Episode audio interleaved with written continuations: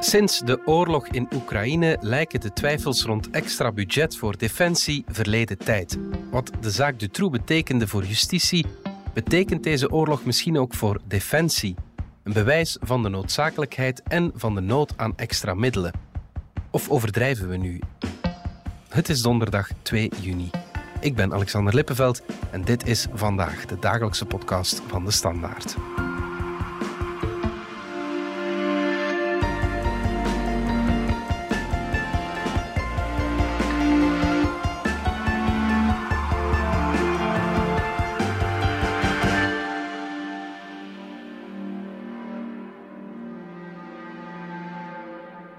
Peter de Lopel van onze politieke redactie.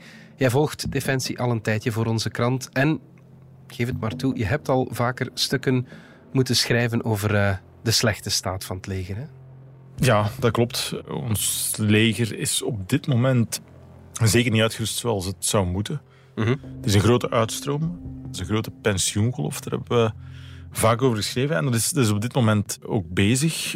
Waardoor er natuurlijk heel veel moet aangeworven worden. Dat is ook bezig. Mhm. Maar uh, al die elementen samen, dat zet een uh, grote druk op defensie, op personeelsvlak. En dan uh, is er natuurlijk nog ja, de, de, de kwestie materieel, uitrusting, de, de infrastructuur. Veel kazernes die, die echt wel versleten zijn. Ja. En er zijn, er zijn grote bestellingen geplaatst voor nieuw materieel, nieuwe vliegtuigen, nieuwe voertuigen, nieuwe schepen. Maar dat duurt natuurlijk allemaal even uh, voordat er is. En op dit moment zit het leger nog altijd in een lastige fase. En dat zal ook nog uh, een paar jaar duren. Ja, oké. De laatste jaren was besparen vooral het credo bij het leger of bij de politiek als het dan ging over het leger. Maar als we heel eerlijk zijn, we hadden de oorlog in Oekraïne eigenlijk niet nodig om te beseffen dat het zo niet verder kan. Hè? Dat besparen was, was inderdaad jarenlang het, het lot van defensie. Mhm. En, en ja, begrotingen werden opgesteld en, en op het einde ja, kwam er nog, nog ergens uh, budget tekort. Er werd er, werd er vaak gekeken naar defensie en er werd dan, er werd dan gesnoeid. En uh, defensie zorgde ervoor dat het dan toch met minder middelen uh, de taken kon blijven uitvoeren die het moest uitvoeren. Mhm. Ja, daardoor kreeg je eigenlijk een, een, een, een organisatie en een leger dat, dat steeds meer onder druk kwam, tot er nu inderdaad wel een, een, ja, een kentering uh, zit, uh, zit aan te komen. Ja, leg eens uit die, die kentering. Wel, laten we eerst even teruggaan naar de vorige regering. Dus uh, de regering mm Michel. Die heeft een aantal grote aankoopdossiers beslist. Mm -hmm. Er is heel veel te doen geweest over de vervanging van onze F-16's. Die zijn heel lang meegegaan. Mm -hmm. Idem voor de landvoertuigen hebben zij grote bestellingen geplaatst. En zij hebben ook een bestelling geplaatst voor fregatten en mijnenjagers. Dat is al veel. Dat, dat is inderdaad al heel wat. Maar ja. wat er op dat moment niet gedaan is, is investeren in het personeel. Deze regering, Vivaldi-regering, investeert ook in, in, in, defensie en richt zich veel meer op het personeel. Dus uh, minister van Defensie, Ludwig de Donder, haar eerste plan heette POP. People are onze priority. POP. Daarna is er nu ook nog een, een plan STAR gekomen. Um, ik moet nu even nadenken wat dat weer betekent. Wat het, waar het op neerkomt, die popstar, ze vond het wel leuk uh, samen, samenpassen. Zij kan zich nu concentreren op het, uh, op het personeel en heeft daarvoor, uh, dat moet gezegd, ja, serieus wat geld uit de brand gesleept. En dan komen we dus bij, na het plan POP, het plan STAR. Dat is goedgekeurd eigenlijk vlak voor de Russische inval in Oekraïne. Mhm. ja, de titel die we er toen uh, boven zetten, boven het interview dat we toen met haar gedaan hebben, was iets in een trant van 10 eh, miljard uh, voor, uh, voor defensie. Dat is ongezien. Okay. Waarmee zij aangeeft dat er na jaren van een, een dalende curve nu een knik zit in de curve van defensiebudget. En dat dat dus terug gaat stijgen.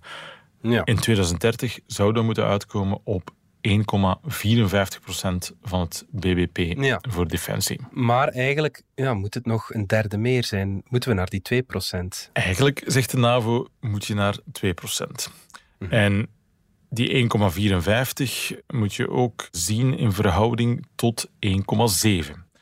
Van waar komt die 1,7? Dat was het gemiddelde van de niet-nucleaire NAVO-landen. Mhm. Dus NAVO-landen, maar dan zonder de VS, zonder Frankrijk, zonder UK.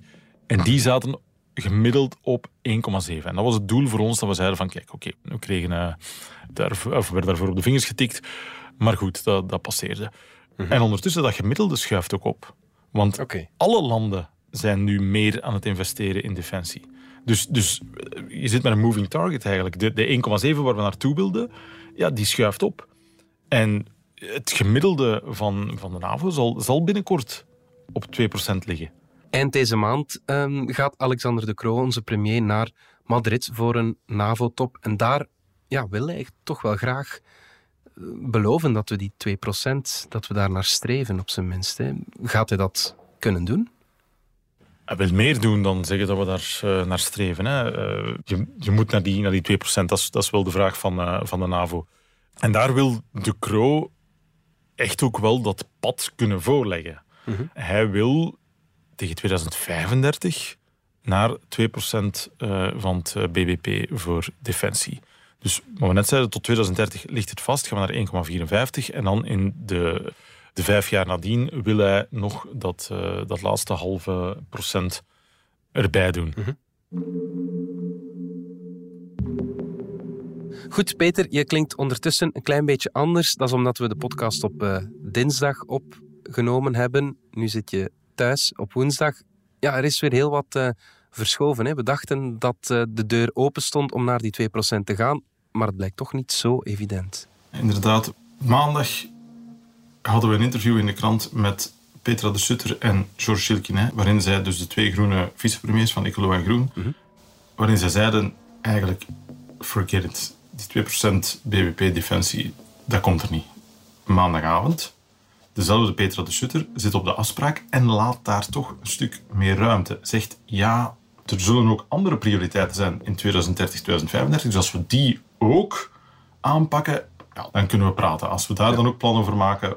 En dan zeggen wij, kijk, dan moet daar een evenwicht in zitten. We gaan voor klimaat en energie absoluut ook hele grote investeringen moeten doen richting 2030, 2035. Als we dat in een evenwicht kunnen bespreken, dan zijn we daar zeker toe bereid. Als het in evenwicht is met de andere investeringen voor klimaat en energie, ja. dan mag het 2% zijn. Als, als wij nu zeggen, we gaan 2% besteden in 2035, dan zeggen wij, ja, dan kan je maar beter ook gaan bespreken wat je gaat besteden voor die andere zaken die voor ons net zo belangrijk zijn, of belangrijker, namelijk de klimaatverandering en de energie. Maar dan ga je dinsdagavond naar een debat mhm. tussen eh, Jean-Marc Nollet, de, voorzitter, de co-voorzitter van uh, Ecolo, en Paul Magnet, de voorzitter van de PS in uh, Charleroi.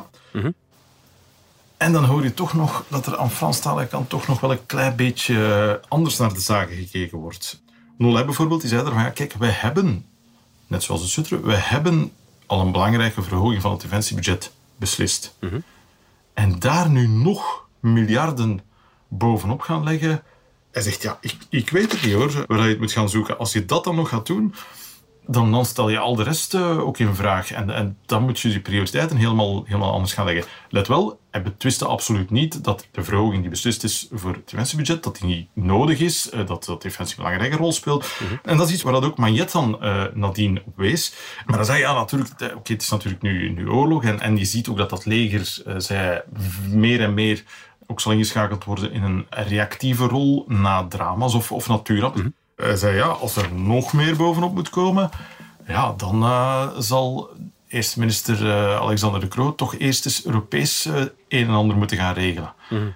En hij wees dan op de, de mogelijkheid, of, of, of toch tenminste gaan aftoetsen Europees, om investeringen, extra investeringen in defensie buiten de begroting te houden. Okay. Wat, wat wil dat concreet zeggen? Ja. Want ja, dat, het moet toch betaald worden, ja. denk ik dan. Wel, Ondertussen hebben we nog iemand gehoord en dat is Chris Peters. Aha. De voormalige vicepremier van CD&V. En de voormalige vicepremier van CD&V, Chris Peters, is ondertussen vicevoorzitter van de Europese Investeringsbank. Mm -hmm. En die zegt, jongens, ik heb geld.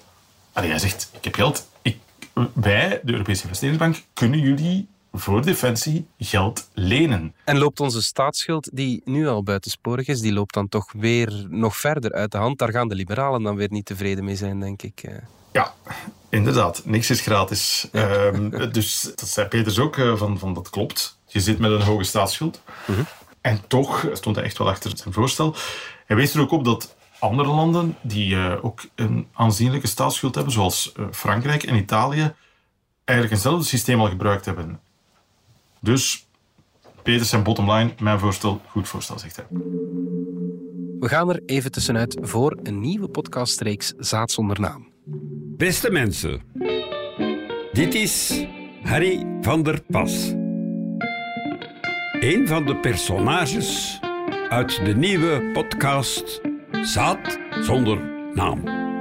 Zaad zonder naam, zonder zaad. Een podcast over de geschiedenis van de spermabank in België. Zonder naam.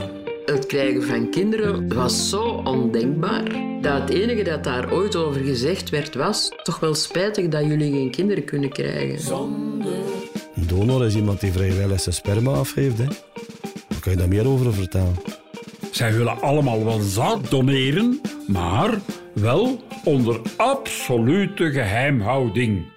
Zaad, zonder naam. Omdat niemand de titel wilt krijgen, ik ben vader van duizend zonen. Een donor kent. Een kind dat verwekt is door een donor zeker? Iemand die verwekt werd met gameten van een volwassene die het niet zal grootbrengen. Maar sommigen noemen dat koekskinderen. Een podcast van DS Audio.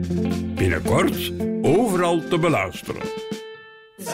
Beluister de volledige reeks nu al in onze app DS Podcast of elke woensdag op je favoriete podcastkanaal. Terug naar jou, Peter. Wat gaan we dan met al die extra miljarden doen voor eh, defensie? Ah, wel, er zijn al miljarden toegezegd eh, om, om naar die 1,54 te gaan. Maar eh, als je dan nog naar die 2 gaat, zijn, zijn er nog meer. Je moet weten, investeren in defensie is niet alleen investeren in wapens, in kanonnen. En in, er komt wel meer bij kijken bij een bedrijf van eh, binnenkort bijna 30.000 man Ja. dat je moet op de been houden. Een belangrijke poot in ieder geval in alle plannen nu is cyber. Ja. Je hebt de, traditioneel de landcomponent, je hebt de marinecomponent, je hebt de luchtcomponent en je hebt de medische component. En de Donder wil daar een vijfde volwaardige cybercomponent bij. Dat is een, een domein dat gewoon ja, steeds belangrijker wordt. We zijn kwetsbaar. Ook Defensie eh, heeft eh, in december nog eens getoond dat het kwetsbaar is voor hackings. Onlangs was er ook een hacking van, van, van een, een belangrijk ziekenhuis. Dus het gaat om meer dan alleen de defensie Natuurlijk. in oorlogstijd. Ja, het gaat zeker, om, zeker, zeker. Het gaat, Ja, het ja, gaat om meer dan, dan, dan, dan, dan wapens. Echt. Dat zei premier De Croo een paar weken geleden ook in Berlijn toen hij een bezoek bracht aan bondskanselier Olaf Scholz. Our society as a whole should benefit directly from military investment, strengthening our cyber capacity for our businesses, enhancing military intelligence in the fight against terrorism, providing education to our young people. En De Croo zei ook dat een hoger budget ons ook iets moet opbrengen. We must build a stronger European defense industry, able to compete with global players. If we increase our defense budgets and our investments in military technology, let it be European technology, developed in Europe, built in Europe, and with a European return on investment. En, en dus, ik haal nu het voorbeeld aan van, van die eh, cyberdefensie en inlichtingendiensten, eh, dat zeer belangrijk is. Maar tegelijkertijd gaat het ook om investeringen in infrastructuren. Heel veel kazernes, eh, plekken waar, waar, waar militairen en, en nieuwe jonge recruten ondergebracht worden, zijn ja, versleten door jarenlang desinvestering, jarenlang besparingen op defensie. En ook daar, dat zit in de donderdagsplannen ook, wil zij iets aan doen. Dubbel doel. Ze zegt, de omgeving wordt dan aangenamer om in te werken. En je gaat die gebouwen ook gaan, dat is de bedoeling toch, beter gaan isoleren, de CO2-afdruk eh, naar, naar beneden halen ook, waardoor je tegelijkertijd, eh, voel je het compromis al komen, mee investeert in je klimaatdoelstellingen. Uit ons onderzoek eh, dat we samen met de VRT deden, de stemming, Peter, blijkt ja, dat toch een minderheid van de kiezers zit te wachten op een grote verhoging van dat budget. Hè? Dat is zo. Er zijn heel veel eh, andere dingen waaraan je het geld van een regering kan uitgeven. En dat is. Ik denk dat dat net toont waarom Defensie jarenlang zo'n makkelijk eh, slachtoffer geweest is bij begrotingsrondes. Eh, omdat er niet te veel volk van wakker lag als erop bespaard werd. Ik heb nog nooit een betoging gezien voor meer uh, middelen. Ja, maar ja, je lacht maar voor meer middelen van defensie. Of het is schandalig. Ja, het is dus zoals een verzekering. Hè. We betalen allemaal uh, elk jaar heel veel geld aan, aan heel veel verzekeringen. En tegelijkertijd hoop je dat je die nooit zal nodig hebben, die verzekeringen. En, en met een leger is het eigenlijk een beetje van, van hetzelfde. Mm -hmm. Het is iets wat minister van Defensie uh, De Donder onlangs ook aangaf in, in een interview bij ons in de krant. Ze zei, Rusland heeft het woord oorlog terug geïntroduceerd in Europa. Ja. Je peux pas être d'accord avec ceux qui disent c'est indécent d'augmenter le budget de la défense. Je ne suis pas d'accord avec mmh, ça. Ce mmh. n'est pas indécent. Ouais. Il y a une situation qui a changé. Mmh. C'est vrai que euh, ce conflit a réintroduit le mot guerre dans, notre, dans nos sociétés. Ouais. On ne peut pas être naïf. Il se passe sur notre continent une guerre. On doit assurer la sécurité. Et la sécurité, pour moi, c'est élémentaire. On, la santé, c'est élémentaire. La sécurité, c'est élémentaire. Si vous ne pouvez pas euh, vous épanouir, si vous ne vous sentez pas en sécurité. Donc, pour moi, ce n'est pas indécent de renforcer l'effort de défense. Ik blijf nog even kritisch, Peter. Meer geld voor defensie vanwege een oorlog. Maar het is wel een oorlog waar we vooral niet aan willen meedoen. Want wat doen we nu eigenlijk ja, in Oekraïne? Uh, wel, we zijn niet in Oekraïne aanwezig om daar mee te vechten. Net zoals mm. alle andere NAVO-landen daar niet aanwezig zijn om mee te vechten. Als een van de NAVO-landen toch daarin betrokken zou raken, mm -hmm. ja, dan zit je in een direct conflict met Rusland. En dan, ja, dan, dan heb je een, een gigantische escalatie. Het is, het is erg dat, dat, dat, dat woord eigenlijk bijna nog bestaat. Als, als je al ziet hoe, hoe verschrikkelijk het daar al uh, is in, in Oekraïne. Maar dan zit je in de derde wereldoorlog. Mm -hmm.